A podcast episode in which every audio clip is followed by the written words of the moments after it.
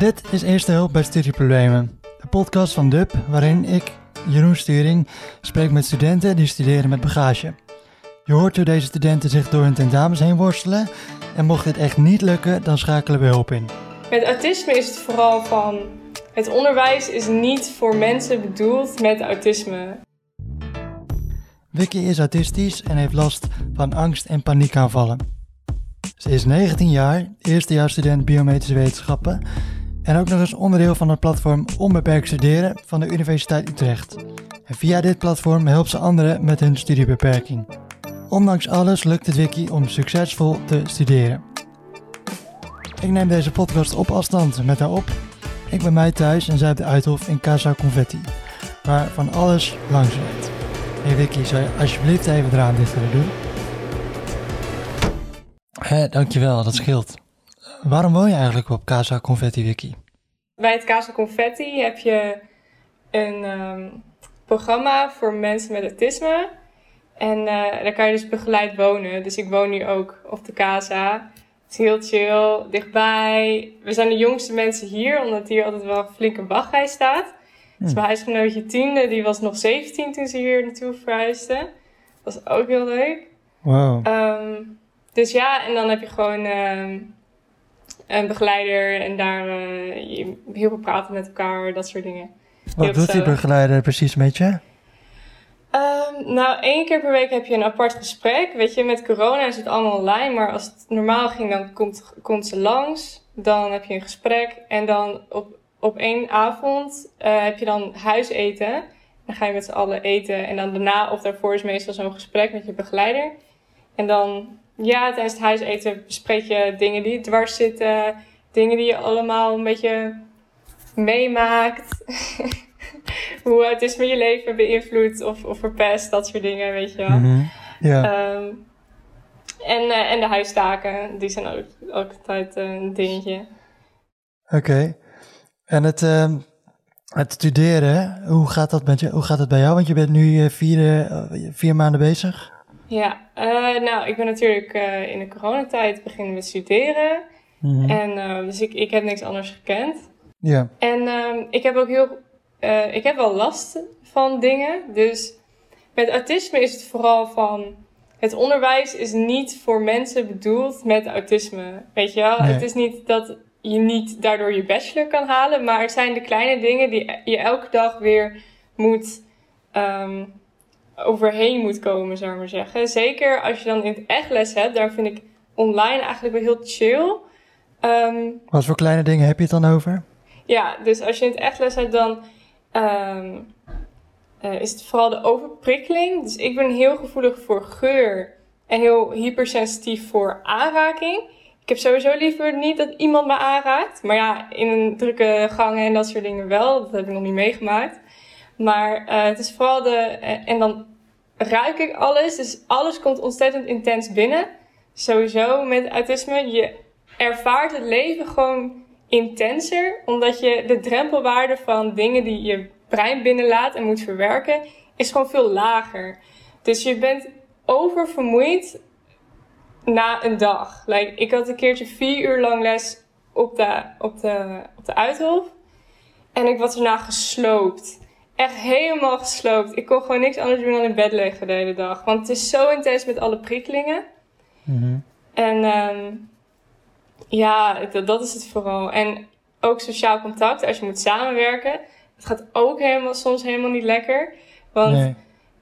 ik zit al mijn hele leven uit te vogelen wat andere mensen vinden. Wat andere mensen voelen, wat andere mensen denken en zo. En daardoor ben ik best wel geadopteerd aan eigenlijk iedereen, soort van. En nog steeds heb ik dan moeite met, weet je, nog steeds samenwerken met mensen. En dat vind ik heel lastig, want ik ben er wel continu mee bezig, maar het lukt gewoon nooit echt. Dat is Kun het je moeilijke. proberen te vatten waar die, waar die moeite dan in zit? Um, nou, vooral van wat je als resultaat wil, als je een, als je een samenwerkingsopdracht hebt mijn visie is altijd anders dan die van die anderen. Ik, uh, ik weet niet hoe dat werkt. nu toevallig in een duo werk ik wel goed samen, meestal. Uh, maar als je meerdere mensen hebt, dan heb ik daar echt moeite mee.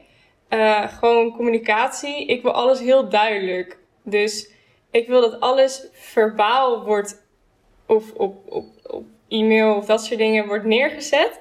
En dat mensen daaraan houden. En dat ik niet hoef te denken van, maar wat nou als er nog iets was wat ik had moeten begrijpen uit een bepaalde zin of een bepaalde woord, uh, woordsamenstelling of zo. Mhm. Dus, en daar denken mensen helemaal niet over na. En daar hebben ze ook wel moeite mee met rekening houden. Um, ja, Het, is gewoon, het is gewoon constant sociaal contact, is ook heel vermoeiend. Dus dat is het vooral. Uh, maar je bent nu dus bij, dat, bij het platform terechtgekomen omdat je andere mensen wil helpen.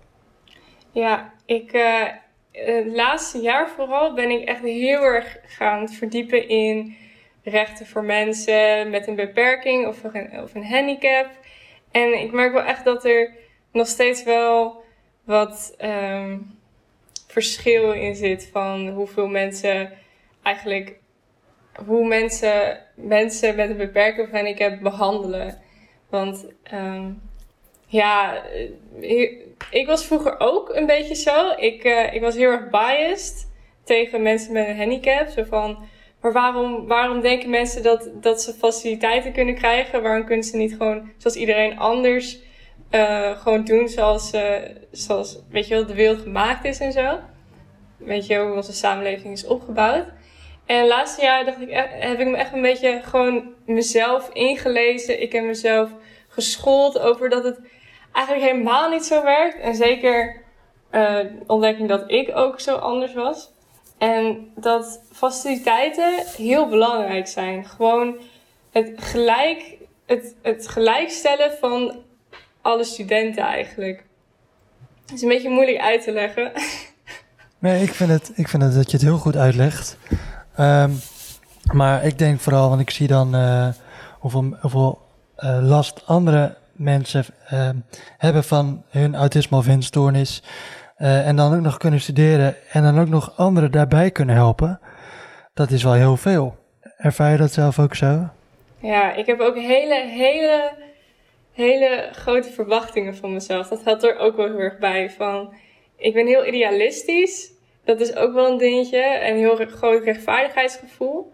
En, uh, en daarom wil ik heel graag mensen ja, gaan helpen of in ieder geval bijscholen. Dus eigenlijk iedereen om me heen heeft wel één rent van mij gehoord, van, van mij, die het heeft over hoe mensen niet gelijk zijn in de samenleving en, en dat soort dingen. En, en ja, het is heel erg. ik had er van, vanochtend nog gesprekken over, omdat we, we hadden vanochtend een uh, werkcollege over DNA-lab en over CRISPR-Cas en hoe je dan een, een embryo kan modificeren om de juiste eigenschappen te krijgen. Dus het gaat dan vooral over ernstige ziektes, maar het ging ook dus over autisme.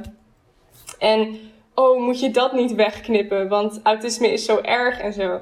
En mensen die niet weten hoe die, dat soort beperkingen werken, dus ADHD en autisme, um, die waren dus van, oké, als een ouder dat wil, dan kan ik dat wegknippen en zo.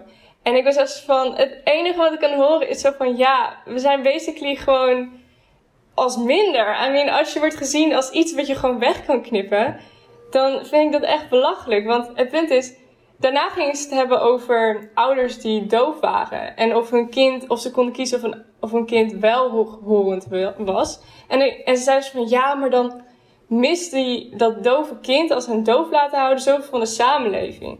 En dan denk ik, pas de samenleving aan aan mensen die anders zijn. Like, zorg voor de faciliteiten, zorg voor like, ondertiteling, leer mensen um, gebarentaal. Weet je, dat is zoveel beter dan denken dat al, alles wat anders is, erg is. En dat gaat dus ook voor autisme. Van, het valt niet echt weg te knippen. Want de reden waarom we zoveel struggelen in, in gewoon studentenleven, in het beroepsleven, in ons schoolleven is gewoon omdat de wereld niet voor ons gemaakt is. En het is niet zo dat we inherently zoveel last hebben van ons autisme als er gewoon rust was en faciliteiten. En, en dat snappen ze niet echt. De mensen die niet zoveel weten over autisme. En dat is niet erg. Nee, en autisme maar heeft ook een heleboel... is heel belangrijk. Autisme heeft een heleboel positieve kanten ook, die dan uh, vergeten worden. Nou, het is niet per se de afweging tussen negatief en positief.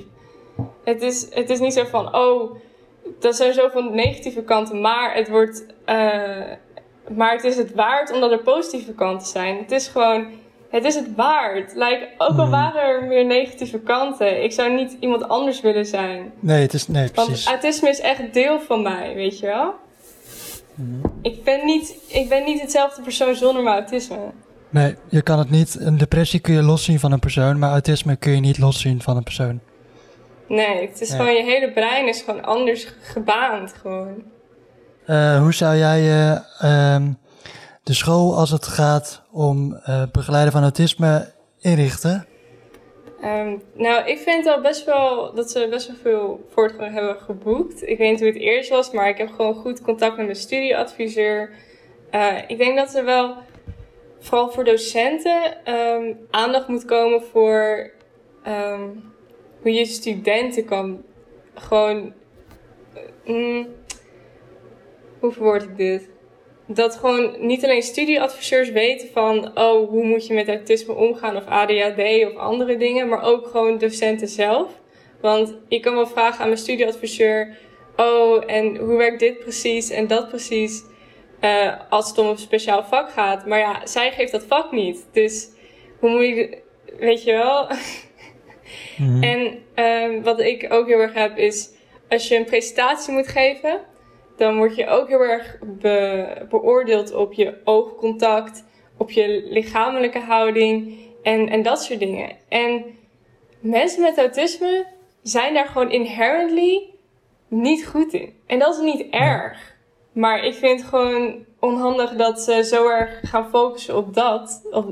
terwijl ik daar gewoon ik kan oefenen wat ik wil, maar ik zou nooit zo goed kunnen presenteren als iemand anders. Want ik weet dat ik dat gewoon, dat is niet mijn vaardigheid.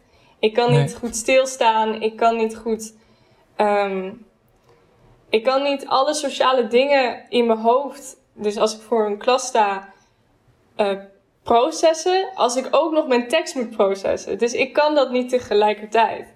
En, en gewoon dan naar je docent gaan en zeggen van, sorry, dit lukt mij niet zo goed en kan je, daar kan je daar gewoon rekening mee houden? En dat dan die docent zegt van, oh ja, is goed, want ik weet wat autisme ongeveer inhoudt, weet je wel, of, of andere dingen. Dat, dat is mhm. gewoon een heel fijn gevoel, ook al is het alleen maar rekening mee houden, weet je wel. Ja, dus jij wil gewoon dat docenten worden bijgeschoold eigenlijk? Ja. Ja. Zou je dat zelf kunnen doen? Uh, ja, ik heb al een keertje uh, met iemand anders van het platform dus uh, geholpen met een, ja, een soort college over hoe je studenten met een beperking, het gaat ook over visuele beperking, fysieke beperking, mentale beperking, hoe je dat, hoe je dat kan faciliteren. Maar ja, daar kwamen maar 14 docenten naartoe, dus dat is ook natuurlijk heel lastig om, je kan ze niet echt ja, je kan ze wel forceren, maar ja, wat brengt dat nou weer op, weet je? Mm Ja. En uh, als corona weer uh, afgelopen is en je zou weer naar school moeten, dan zou je er toch denk ik ook veel meer aan hebben om gewoon af en toe een thuiscollege te kunnen volgen. Ja, ik denk met de coronatijd is er wel heel veel aandacht gekomen voor online uh, les.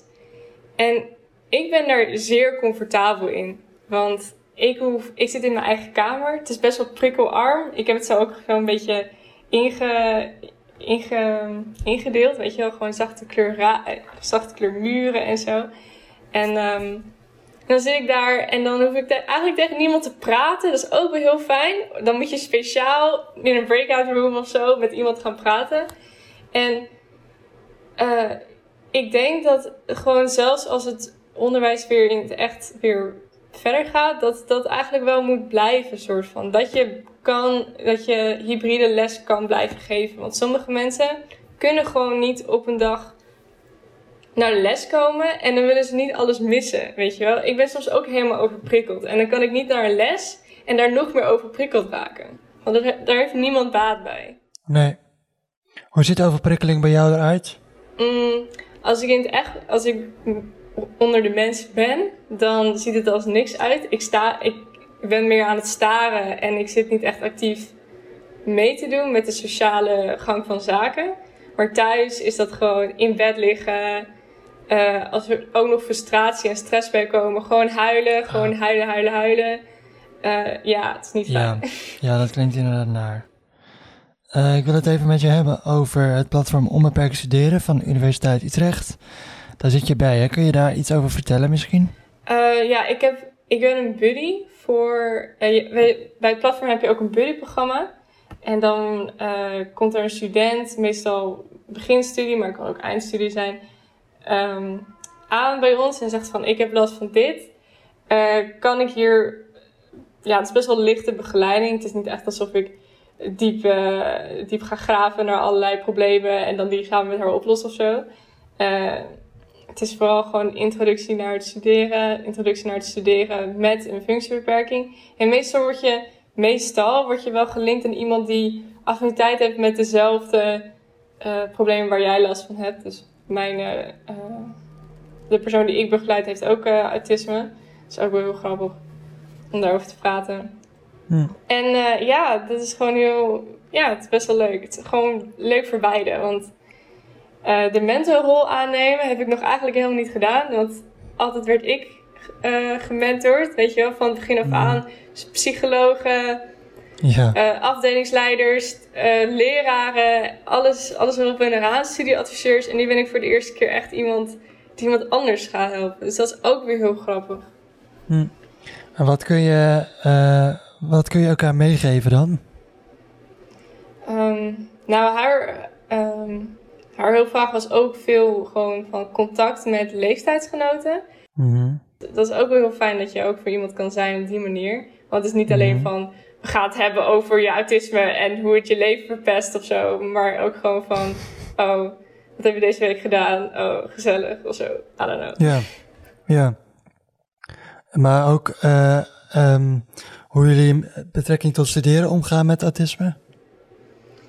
Um, ja, ik, ik ben nog niet zo heel lang buddy. Maar uh, ja, met, als je studeert met autisme, er komt wel altijd wel heel veel depressieve gevoelens bij kijken. Dat merk ik echt wel dat het een trend is. En, gewoon, en dat mhm. komt ook gewoon veel van. Als je je altijd moet conformeren tot alles in je leven, is dat gewoon ontzettend vermoeiend. En je raakt er heel snel burnt out van. En daar komen heel veel depressieve gevoelens vandaan. Dat heb ik ook heel erg gehad. Maar dan toen ik 14 was, dus ik was wel wat jonger. Um, en daar zit je nog altijd een risico. Je hebt altijd gewoon het risico dat je opeens denkt van... Holy shit, ik kan niet meer aan ik, ik ga maar een week in mijn bed liggen of zo. Dat is ook wel een beetje een enge gedachte. Dus daar ben je wel bang voor? Ja, wel, wel een deel. Ook heb ik het wel op zich wel goed alles op een rijtje. Het is nog steeds zo van, oh, uh, dan, het zijn dingen zoals dit. Van, ik heb een tentamen, ik ga de hele dag leren, want het is een zaterdag of het is een zondag. Of ik heb gewoon lesvrije dag. En midden op de dag denk ik, krijg ik paniekaanval. Ik voel me opeens heel verdrietig. Um, heel veel autistische mensen hebben ook problemen met like, hun maag- en darmstelsel. Dat is ook wel een heel groot thema. Dat is ook heel leuk. En dan krijg je daar weer last van. Want ik word fysiek ziek. Fysiek ziek van overprikkeld zijn. Ik uh, had het vorige week. Ik was misselijk. Ik, was, ik had hoofdpijn. Ik voelde me ook helemaal niet lekker. En mijn moeder, uh, en dan kom ik thuis, want ik ga in het weekend naar, naar naar, eh, terug naar mijn ouders.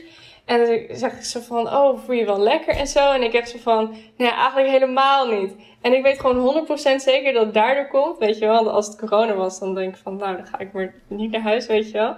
Maar dan weet ik dat zo zeker. En denk ik van, nou, dit, dit zuigt heel hard. Hmm. Maar je, weet, je hebt nog niet door hoe je zo'n moment tegen kan gaan.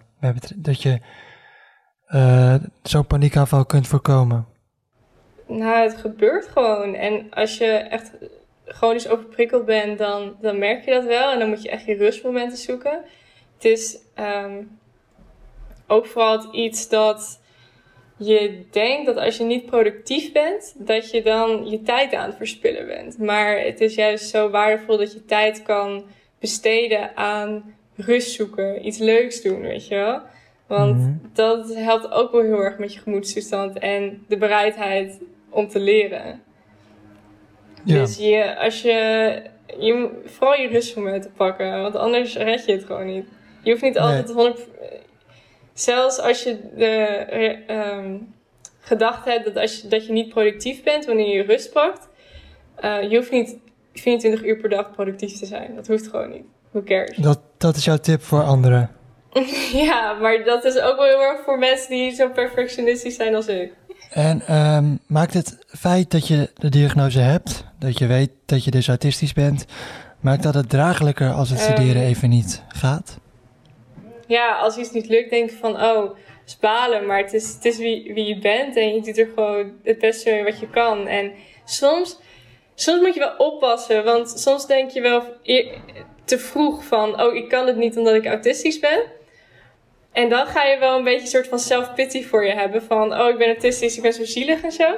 Soms wil je er echt wel in vallen, want dat is heel verleidelijk. Want dan denk je van, het is helemaal niet mijn schuld. Er is niks mis met mij. Er is gewoon uh, autisme en zo, weet je Maar dan moet je ook niet meer denken. Dus je moet een beetje een goed um, verhouding daartussen vinden. Dankjewel, Vicky. Wat moet je nou doen als je autistisch bent en je daarover in gesprek wil gaan met de Universiteit Utrecht?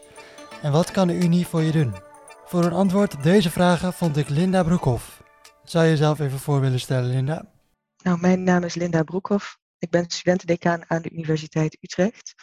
Um, en als je nou kijkt naar de vraag van, god, hoe pak je het nou aan om ondersteuning aan te vragen aan de Universiteit Utrecht als er sprake is van een ASS-diagnose, een autisme spectrum diagnose, of als het vermoeden er is, dan is eigenlijk de eerste stap altijd de stap naar de studieadviseur. Als je kijkt naar de begeleiding aan de UU, dan is de studieadviseur altijd het belangrijkste aanspreekpunt voor, uh, voor onze studenten. En de studieadviseur kan dan ook samen met jou het gesprek aangaan om te kijken van nou, wat voor ondersteuning, praktische ondersteuning is er nou mogelijk. Uh, ik denk dan bijvoorbeeld aan extra tijd bij tentamens of de mogelijkheid om apart te zitten bij tentamens. Um, onze studentenpsychologen bieden ook een studieondersteuningsgroep aan voor studenten met AS, een autisme spectrumstoornis. Dat is een wekelijkse bijeenkomst. Dan worden er eigenlijk allerlei thema's besproken die van belang kunnen zijn als je studeert met een autisme spectrumstoornis. Denk aan bijvoorbeeld samenwerken, um, het geven van presentaties. Ehm, eh, het maken van een planning. En dat is allemaal onder leiding van een van onze studentpsychologen. Ook gewoon het uitwisselen van ervaring met elkaar. Dat, dat kan ook uh, nou ja, heel zinvol zijn en ook heel prettig eigenlijk. Om gewoon met elkaar ervaringen uit te wisselen.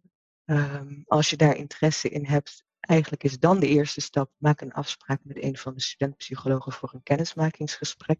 En dan kunnen zij samen met jou bekijken of die studieondersteuningsgroep ook uh, passend is nou ja, bij wat jij zoekt en wat je nodig hebt. Dit was de eerste aflevering van Eerste Hulp bij Studieproblemen. Kom jij door welke reden dan ook niet goed tot studeren? Meld je dan even, dan help ik je in deze podcast. Stuur even een mail naar deproductie.uu.nl. Wil je ook bij het platform Onbeperkt Studeren? Kijk dan eens op students.uu.nl schuine onbeperkt studeren. Nog een keer terug bij Wiki, want Wiki, om de podcast mee uit te gaan. Als je luisteraars van deze podcast nog één ding mee wil geven. Echt iets wat ze vandaag na het luisteren voor de rest van de dag in gedachten met zich mee zullen dragen. Wat zou dit dan zijn? Ik denk dat als je iemand tegenkomt met een beperking, een handicap, uh, stoornis, iets waardoor ze gewoon het leven gewoon belemmert of, of gewoon moeilijker maakt en zo. Je hoeft ze niet per se, je hoeft niet medelijden of, of hulp of, of dat soort dingen meteen. Het is meer dat we willen dat je ervoor open staat. Gewoon de motivatie dat je het serieus wil nemen en dat je ons serieus wil, wil nemen.